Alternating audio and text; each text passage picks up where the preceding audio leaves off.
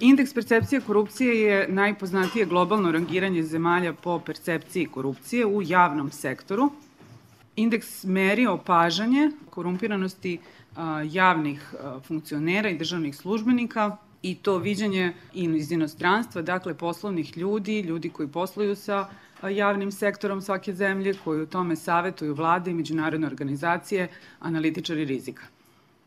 A zemlje se boduju na skali od 0 do 100, gde nam su nam naravno 100 nalaze idealan broj poena za veoma čiste zemlje od korupcije, dok je nula u stvari percepcija da je korupcija veoma prisutna. I ove godine je rankirano ukupno 180 zemalja i teritorija, isto kao i u proteklih pet e, godina. Srbija je na indeksu za 2022. godinu plasirana na 101. mesto sa ocenom 36. Ovo mesto delimo sa još osam zemalja. Sa ovakvim rezultatom nazadovali smo za dva indeksna poena u odnosu na prošlu godinu i za čak pet mesta na globalnoj listi. Kada uporedimo rezultate indeksa korupcije unazad, vidimo da je ocena najlošija u poslednjih 11 godina. Sa sadašnjim rezultatom od 36 Srbija se svrstava u grupu zemalja s koje je korupcija raširena, dakle ispod 50 je ta grupa svih zemalja. Ovaj rezultat smešta nas 7 poena ispod svetskog proseka, koji i ove godine iznosi 43, 21 poena ispod proseka našeg kontinenta, dakle Evropa ima prosek 57, a čak 28 poena iza onog dela Evrope čiji deo mi želimo da postanemo, dakle Evropska unija ima prosek 64. Vidjet ćete da se na čelu ponovo nalaze, da kažem, tradicionalno Danska, Finska, Novi Zeland i Norveška, dok se na dnu liste nalaze Somalija i Južni Sudan i Sirija sa 12, odnosno 13 poena. Kada posmetramo naše okruženje kao, da kažem, nama verovatno najzanimljiviji uporedni parametar, vidjet ćemo da je kao i prošle godine najbolje plasirana Slovenija sa 56, iako i ona beleži pad za jedan indeksni poen. Ove godine iza nas je ostala samo Bosna i Hercegovina sa ocenom 34, a 101. mesto delimo ove godine sa, između ostalog, sa Albanijom. U našem okruženju najviše je napredovala Hrvatska za tri indeksna poena, dok je u Evropi percepcija korupcije se najviše pogušala u Velikoj Britaniji, Luksemburgu i Austriji. Kada posmatramo desetogodišnji period, znači unazad, 25 zemalja je poboljšalo svoje rezultate i to da kažem značajnije. Tu možemo iz našeg okruženja izdvojiti na primer Grčku koja je napredovala za 16 indeksnih poena, dok je s druge strane čak 31 država značajno smanjila svoj rezultat u istom ovom periodu, gde se nalaze, na primjer, i zemlje visokih, visoko razvijenih ekonomija, poput uh, Australije i Kanade, ali i nešto nama bliže, Mađarske i Turske. Kada govorimo o mogućim razlozima i možda bolje reći o nekim pitanjima koje su od najvećeg značaja u ovom trenutku za boru protiv korupcije. Izdvojili smo ih nekoliko Prvo, kada govorimo o značaju koji se daje borbi protiv korupcije, rekao sam već da smo imali stagnaciju i u doba kada je borba protiv korupcije slovila kao jedan od najvažnijih prioriteta. Sada, međutim, ne možemo da kažemo da je borba protiv korupcije prioritet čak ni na tom deklaratornom nivou. Nemamo strategiju već duže od četiri godine, strategiju za borbu protiv korupcije. U novom programu vlade, za razliku od nekih prethodnih, nije borba protiv korupcije istaknuta kao prioritet. Ako pogledate ekspoze premijerke, tamo ćete moći da nađete samo neke statističke podatke o tome koliko je bilo uhapšenih ili osuđenih za pojedina krivična dela, a nema nikakvih planova za budućnost. Dalje imamo akcione planove za poglavlje 23 evropskih integracija i u njemu aktivnosti za borbu protiv korupcije, postoje izveštaj, Agencija za sprečavanje korupcije ima izveštaj, vladino koordinacijono telo ima izveštaj, ali ne vidimo nikakvu odgovornost kada se u ovim izveštajima konstatuje da nešto nije urađeno kako treba. Imamo u toku, kao što znate, reformu pravosuđa, naravno ona nije još e, završena, neće ni biti najmanje godinu ili dve u potpunosti završeno sve što treba za to novo ustrojstvo. Imamo za sada jednu nepoznanicu koja zavisi od toga kako će, se, kako će na kraju izgledati zakoni, a to je hoće li biti smanjene mogućnosti političkog uticaja posrednog jel da, na pravosuđe preko izbora takozvanih istaknutih pravnika u pravosudne savete. I imamo jednu veliku bojazan, Ustav je doneo garancije imuniteta za sve odluke koje donose članovi tih pravosudnih saveta, praktično čak i u nekim slučajevima korupcije oni neće, ne bi mogli biti gonjeni zbog takvog apsolutnog imuniteta, a s druge strane nije obezbeđena za sada potpuna javnost rada ovih tela. I sada dolazimo do nečega što svakako jeste uticalo na stanje u oblasti korupcije i borbe protiv korupcije u Srbiji. Dakle, imamo otvoreno nipodaštavanje antikorupcijskih odredbi u mnogim propisima. Podsećali smo već na to, na stanje kad je reč o javnim preduzećima, na stanje u pogledu državne uprave, odnosno to su oni čuveni vršioci dužnosti koji su izabrani protivno prinudnim propisima, biraju se po više puta e, sukcesivno, iako je to moguće učiniti samo jednom. Kad je reč o državnoj upravi, biraju se, postavljaju se retroaktivno, a u javnim preduzećima nemamo čak, čak ni takav pokušaj da se sukcesivno postavljaju ti vršioci dužnosti, već se oni ostavljaju godinama na tim položajima nakon isteka mandata. Imamo, kad je reč o javnim resursima, situaciju gde oni nisu zaštićeni. Kako nisu zaštićeni? Da li znate kako se određuju prioriteti, šta će biti finansirano iz budžeta ili novim zaduživanjima? Gde je to zapisano? Da li postoji neki akt koji kaže evo, Srbija ako nađe milijardu evra finansiraće ovaj put ili ovu elektranu ili ovu prugu. Mi smo pokušali da saznamo kada je svojevremeno bila otvorena priča o investicionom ciklusu, da li je usvojen uh, jedan plan koji je najavljen pod nazivom Srbija 2025 i dobili smo zvaničan odgovor iz vlade, odnosno generalnog sekretarijata vlade, da takav dokument nije usvojen kao neki dokument zvaničan vladine politike. A svako malo čujemo najave izgradnje nekih novih objekata i gde se ponovo pominje taj plan. Zašto je sad sve to bitno? Pa zato što bi, recimo, građani Srbije verovatno želeli da se pitaju oko budžetskih prioriteta, pogotovo zato što se oni u najvećoj meri finansiraju kroz zaduženja, ne iz nekih tekućih prihoda, kroz zaduženja koje će ti isti građani da, da otplaćaju, je tako? I u situaciji kada imamo konsultovanje građana oko budžetskih prioriteta u mnogim gradovima i opštinama, znatno je teže opravdati situaciju gde takva mogućnost ne postoji na centralnom nivou. Imamo slučajeve gde se nezakonito ili nekada se vidi ta nezakonitost potpuno jasno, a nekada je samo očigledno da je reč o štetnim ugovorima. Dakle, slučajeve gde, gde se u javnosti iznose sumnje u nezakonitost e, raspolaganja javnim sredstvima, a da te sumnje ostaju neispitane. I to ne samo kada sa tim informacijama izlaze novinari ili nevladine organizacije, već i kada izlaze e, javne institucije, tela koja je uspostavila država, poput recimo Saveta za borbu protiv korupcije. Imate onaj čuveni slučaj za, za banjska lečelišta, a i mnoge druge. I najzad nešto što smo podsjećali milion puta da se najvredniji poslovi dodeljuju neposrednom pogodbom, a ne putem tendera, dakle to je takođe jedan od faktora koji nesumnjivo dezavuiše primenu antikorupcijskih propisa. Zoran Daličić, portal Vedmo. Jedno od ključnih razloga što nema osuđujućih presuda i što se toliko razvila korupcija na nabavkama je što naši tužilaštvo i sudovi uporno ignorišu članove krivičnog zakona koji je jasno definisao da se mora suditi po članu za javne nabavke ukoliko je reč o javnim nabavkama. To krivično delo je, razdvo, je izdvojeno praktično iz onog opštijeg krivičnog dela zloupotreba službenog položaja. Međutim, veoma je loše napisan. Moj utisak da javni tužioci, vi ste pitali zašto oni to ne gone, javni tužioci, kao i mnogi drugi, da budemo pošteni, pripadnici drugih profesija, su skloni da rade po modelima i obrazcima koji su im poznati.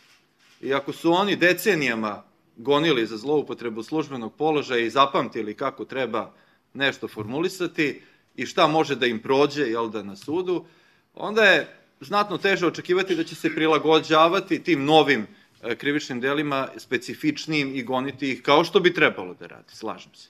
Nama je glavni problem kod javnih nabavki, jeste, ima mnogo zloupotreba, veoma se redko gone, to ste u potpunosti u pravu, ne samo e, ovo što ste vi pomenuli, ti dogovori nedozvoljeni među ponuđačima, već i e, veoma se redko gone i, i direktne zloupotrebe e, službenika kod naručilaca, ali još veći problem je nešto što sam pomenuo tokom prezentacije. Dakle, e, ako imamo situaciju da se najveći poslovi ugovaraju direktnim dogovorima i da se slave kao e, vrhunac uspešnosti državne politike, koje je moralno pravo u takvoj konstelaciji da se gone službenici, jel da, ako se direktno dogovaraju nabavke od milijardu evra, koje je moralno pravo te iste države da goni službenika koji namešta nabavku od 10.000 evra? Čak i to možemo da se zapitamo. Dakle, ono što Srbija mora da uradi kad je reč o nabavkama je da drastično promeni uh, način ugovaranja, uh, ne važe očigledno ni izgovori koje smo mogli da čujemo kada nam kažu pa kompanije iz tih i tih zemalja, na primer Kine, hoće da rade kroz direktne dogovore. Pa te iste kompanije koje u Srbiji dobijaju posao direktnim dogovorima, u Evropskoj uniji dobijaju poslove na tenderu. Na primjer u Hrvatskoj, Pelješki most. Znači, ta ista firma koja radi u Srbiji bez tendera je dobila tamo posao na tenderu potpuno pošteno. Pa možda bi ga dobila i ovde. Zašto da se, zašto da se ovaj, izigrava sistem i zašto da se stvaraju izuzeci? Eto, to je, to je ono što, to je, ono što je, je kod nas još veći verovatno problem, a slažemo se da, da ovo krivično delo treba menjati i mi smo se založili za to i pisali smo Ministarstvu pravde čak i nedavno kada smo čuli da postoji neka radna grupa za izradu krivičnog zakonika, za izmene krivičnog zakonika, predložili smo niz promena u tom, u, u, u tom delu koji se tiče borbe protiv Velike su Evrope. Zakon je, taj član zakona je dobar i on lako osuđuje nameštanje nabavke. Zašto ga menjati? U čiju korist bi ga promenili? Ajde objasnite, to je vrlo važno pitanje, jer vi kočite u stvari tu primjenu zakona, člana zakona napredujući ga. Šta je problem tog člana zakona? Pa ja sam vam rekao šta je problem. Šta pretpostavljam da je problem tužiocima, a šta je problem? Da. Šta mu nedostaje? Kad se tamo vrlo lako, bez ikakvog dokazivanja o veličini štete za sam pokušaj dogovaranja, osuđuje do pet godina. Šta je tu problem? Uh, nisam siguran da ste u pravu, ali možemo posle... Ove, zato što se traži umišljaj. Umišljaj se traži. Pa traži... Ne, ne, traži pokušaj. čekajte, traži se umišljaj. Kad god ne piše da se delo kažnjava, da se kažnjava nekad, traži se umišljaj. Evo tu je advokat Šabić, pa može da... da... Sve eksplicitno predviđa zakona. Za ne. Da, znači traži se umišljaj, u tome je problem. Možda. Ne, evo, Ajde, recimo. Mnogo, mnogo se e, i su ljuti, pa ste mi smo potpisali, nama će bojkotovati, samo, a, a, čekajte, samo... nama će bojkotovati izvoz, jer je ovo zakoni da bi se obezbedilo jedinstveno tržište, čiji smo mi SSP-om član. Evo ovako, piše lepo, kratko jasno, ko u vezi sa javnom nabavkom podnese ponudu zasnovanu na lažnim podacima ili se protivno zakonu dogovara sa ostalim ponuđačima ili preduzme druge protivpravne radnje u nameri da time utiče na donošenje odluka naručioca javne nabavke, kaznit će se zatvorom od 6 meseci do 5 godina. Kratko i jasno. Uopšte se ne zahteva umišljaj. Pa ne, ne umišljaj. Ne, ne, ne. ne. Pa zahteva, pa zahteva se i namera čak. Sigurno kad se neko dogovara, sam se dogovara. Znači, to je vrlo lako osuditi one koji se dogovaraju, takvi su članovi svim... Vi ne možete govoriti bez mikrofona. Da, okej, okay, okej. Okay. I, i, I takvi su članovi u svim zemljama Europske unije. Razumeli smo Zašto se, Zašto samo ali... Srbija to ne primenjuje? Razumeli smo se. Ove, ovaj, i, ja sam vam i rekao da mislim da je problem u tome zašto ga ne primenjuju, zašto radi idu na zloupotrebu. A, moguće da ima i nekih drugih razloga, ali e, oko pravnog tumačenja, verujte mi da sam u pravu, evo može i gospodin Šabić da, ovaj, e, da objasni. Znači, kad god, ovde ste pročitali jednu bitnu reč, to je namera. Znači, on što tužilac ne samo da ima umišlje, nego tačno određenu vrstu namere koja treba da se dokaže u postupku. I to nije ništa lakše dokazati nije ništa lakše dokazati krivicu za to krivično delo nego krivicu za zloupotrebu. Naprotiv, verovatno je čak lakše za zlo, zloupotrebu u članu 359, ali da, da sad ovaj, ostavimo prostor, možemo posle da ostanemo. Dobro, da to absolviramo. Dakle, naravno, namjera je najdirektniji oblik umišljanja. Dakle, ne podrazumeva samo svest o delu i posledicama, nego želju, direktnu želju da se to i ostvari. Dakle, tu su ti potpuno pravo. A gospodin je pravo s jedne druge strane. Znate gde se javlja taj problem? Ta se namera traži, dakle, u svim zemljama koje vi spominjete. Samo je tužioci lakše prepoznaju. Dakle, konkretna situacija se svodi na to da li će onaj ko treba da goni krivično delo u toj radnji prepoznati nameru ili ne. I to je problem subjektivne, neobjektivne prirode. Zakon jeste loš, ja se slažem, ali naš glavni problem je uvek praksa, a ne zakon. I ja kad sam već uzeo mikrofon, moram ti reći, a, nisam siguran neko se s tobom najčešće slažem, dakle, tvoj odgovor na pitanje Željkova o tome da li, da li pojedini slu, slučajevi i, i u kojoj meri utiču na rezultate ovaj, na bazi koji se formira indeks, ti si rekao da je malo verovatno da utiču. Da, jedan pojedini slučaj verovatno je jako malo. Ali kada su pojedini slučajevi, pod navodnicima pojedini zapravo stvar kontinuiteta, onda sasvim sigurno utičuje šta bi drugo uticalo. Dakle, gospodin je upravo, mi nemamo nikog ko je osuđen za krivično delo javne nabavke. Godinama. Mi smo zemlja u kojoj tužilac, dakle, nije prepoznao pranje novca u situaciji u kojoj visoki državni funkcioner sam od sebe bezvrednu firmu kupuje za ogroman novac i plaća novcem sa Devičanski ostrov. Ja ako to tužilac ne prepozna krivično delo, ja uopšte ne vidim u čemu bi mogao da prepozna pranje novca. Ponavljam, cela ova gužva koja je sad predmet interesovanja oko te famozne kuće, stane već ne znam čega gradonačelnika Šapić, na kraju kraja mogla bi da ima jedan sasvim onako, kako bi rekao, lagan ishod. Dakle, eto, recimo i da se ustanovi da gradonačelnik jeste lažno prijavio, čak eto, Bože moj u nameri da to prikrije, agencija to proveri, utvrdi i agencija, da to nije uvek rado činila, podnese krivičnu privu javnom tužiocu. Tamo bi se, da se malo našalim kao advokat gospodina Šapića, pa zvao na direktan presedan i rekao, molim vas, hoću taj tretman. Tužilaštvo je u istoj situaciji, manje u istoj situaciji, prihvatilo i primenilo načelo oportunitete u odnosu na ministra Mala. I on je platio 201 dobrotvorne svrhe i priča je završena. Nema krivičnog postupka, nema, ne evidentira se ništa i tako dalje. Sem onog pika 2012. 13. kad je uhapšen Mišković, kad je na jednu konferenciju na kojoj sam ja bio sedeo, gde vas dvoje sede, došao lično tada PP Vučić, jer mu je to odgovaralo, vi imate stalnu stagnaciju i niske nivoe. Znači, mi bismo se morali malo baviti kao društvo ili oni koji se bave korupcijom na ovaj ili ovaj način, zašto je to tako. Ti si blizu jednog od, jednog od objašnjenja sa ovom pričom o tenderima, ugovorima, nedostupnim javnostima, direktnim pogodbama u ekonomiji, samo bih vas molio da budemo pristojni. Ta vrsta u tim herojskim ekonomijama kakva je ova, mizer, mizernim, se vodi kao nalaženje partnera i odnosi se isto tako sa one sa tokozvanog političkog zapada, pre svega iz Evropske unije. Nisu to firme samo koje su tako došle, ne znam, iz autoritarnih režima, što govori o svojevrsmenoj licemerju, lakomislenosti, čemu god hoćete. Drugi dokaz za ovu tezu je odnos između ekonomije i korupcije nije baš jednosmerna ulica.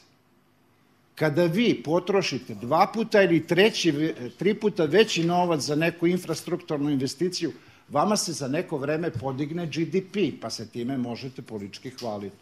Pa čak i nešto para, ne, neću ulaziti u to kako i rasporediti. Osim toga, mi imamo stav ili dožive korupcije koji je preuzak i dosta licemeran isto tako. Ono što je praktično e, moja sugestija je da se vidi kako su pražnjeni od sadržaja, zarobljavljeni i činjeni neefikasni svi nezavisni državni organi koji imaju kakvu takvu vezu sa korupcijom, tako da vi vidite odmah nekoliko godina prvo institucionalno redizajniranje, traženje neadekvatnih sredstava, nedavanja dovoljno kapaciteta, a onda destruiranje iznutra preko načina biranja. I vi sada, recimo, ja moram to da pomenem sa velikim žaljenjem, nekad sam bio u odboru te agencije, gde vi vidite agenciju za sprečavanje korupcije u javnosti i vi u nekakvom aktivnom odnosu, sem u defanzivnom nekom odgovoru na neki zahtev koji dolazi. Da ne govorimo što je sudbina i ovih drugih institucija. Ne vidim nešto da je DRI u javnosti. S druge strane imate onaj deo mreže, oni koji treba da se bave borom protiv korupcije, koji su izvan priče, koji su direktnoj odbrani režima. Moja teza je da ne može biti drugačije u društvu da imate takozvanu tajnu vezu između onih koji su u, u siromaštvu i nejednakosti, koji su u, u autoritarnom režimu i onome što je sistemska politička korupcija. Kako može biti drugačije? Miroslav Milićević, Savet. Korupcija ima u svim zemljama, ali najgora je u zemljama koje su u tranziciji i sa autoritarnim režimima. Ako definišemo najkraće korupciju kao kvarenje države i znamo da korupcija nije samo limitirajući postupak i znamo da politička volja za borbu protiv korupcije mora da potekne od naroda, a ne od vlasti, jer je lakše imati korupciju, onda se postavlja pitanje, a gde mi vidimo da će doći do neke promene? Do promene ne dolazi.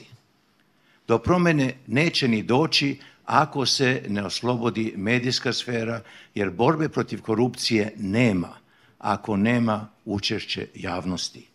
Međutim, Nemanja, sva ova pitanja o kojima se govorilo ovde stoje u izveštajima saveta i o tajnim ugovorima, o linarnim ugovorima, o zemljištu, o kinezima, sve smo mi to pisali, ali to nikoga ne interesuje. Ja imam sastanke sa tužiocima, oni se stalno žale da im padaju predmeti na apelacijama. Pa izvinite, mi živimo u istom pravnom sistemu. Ili jedni ne znaju da pišu, ili drugi ne znaju da sude. Ja razgovaram često sa sudijama, isto tako ja vidim da dolazi jedna nirvana. Ali ako pogledamo izveštaje drugih međunarodnih uh, institucija kao World Justice Project, vidjet ćemo da paralelno s tim broj i intenzitet autoritarnih režima uporno raste. Na jednom velikom sastanku koji je bio održan u Hong Kongu, čak je iznesena boja za novo što si ti spomenuo, da u siromašnim zemljama resursi države su manji od resursa onih koji se bave korupcijom i da je ishod neizvestan.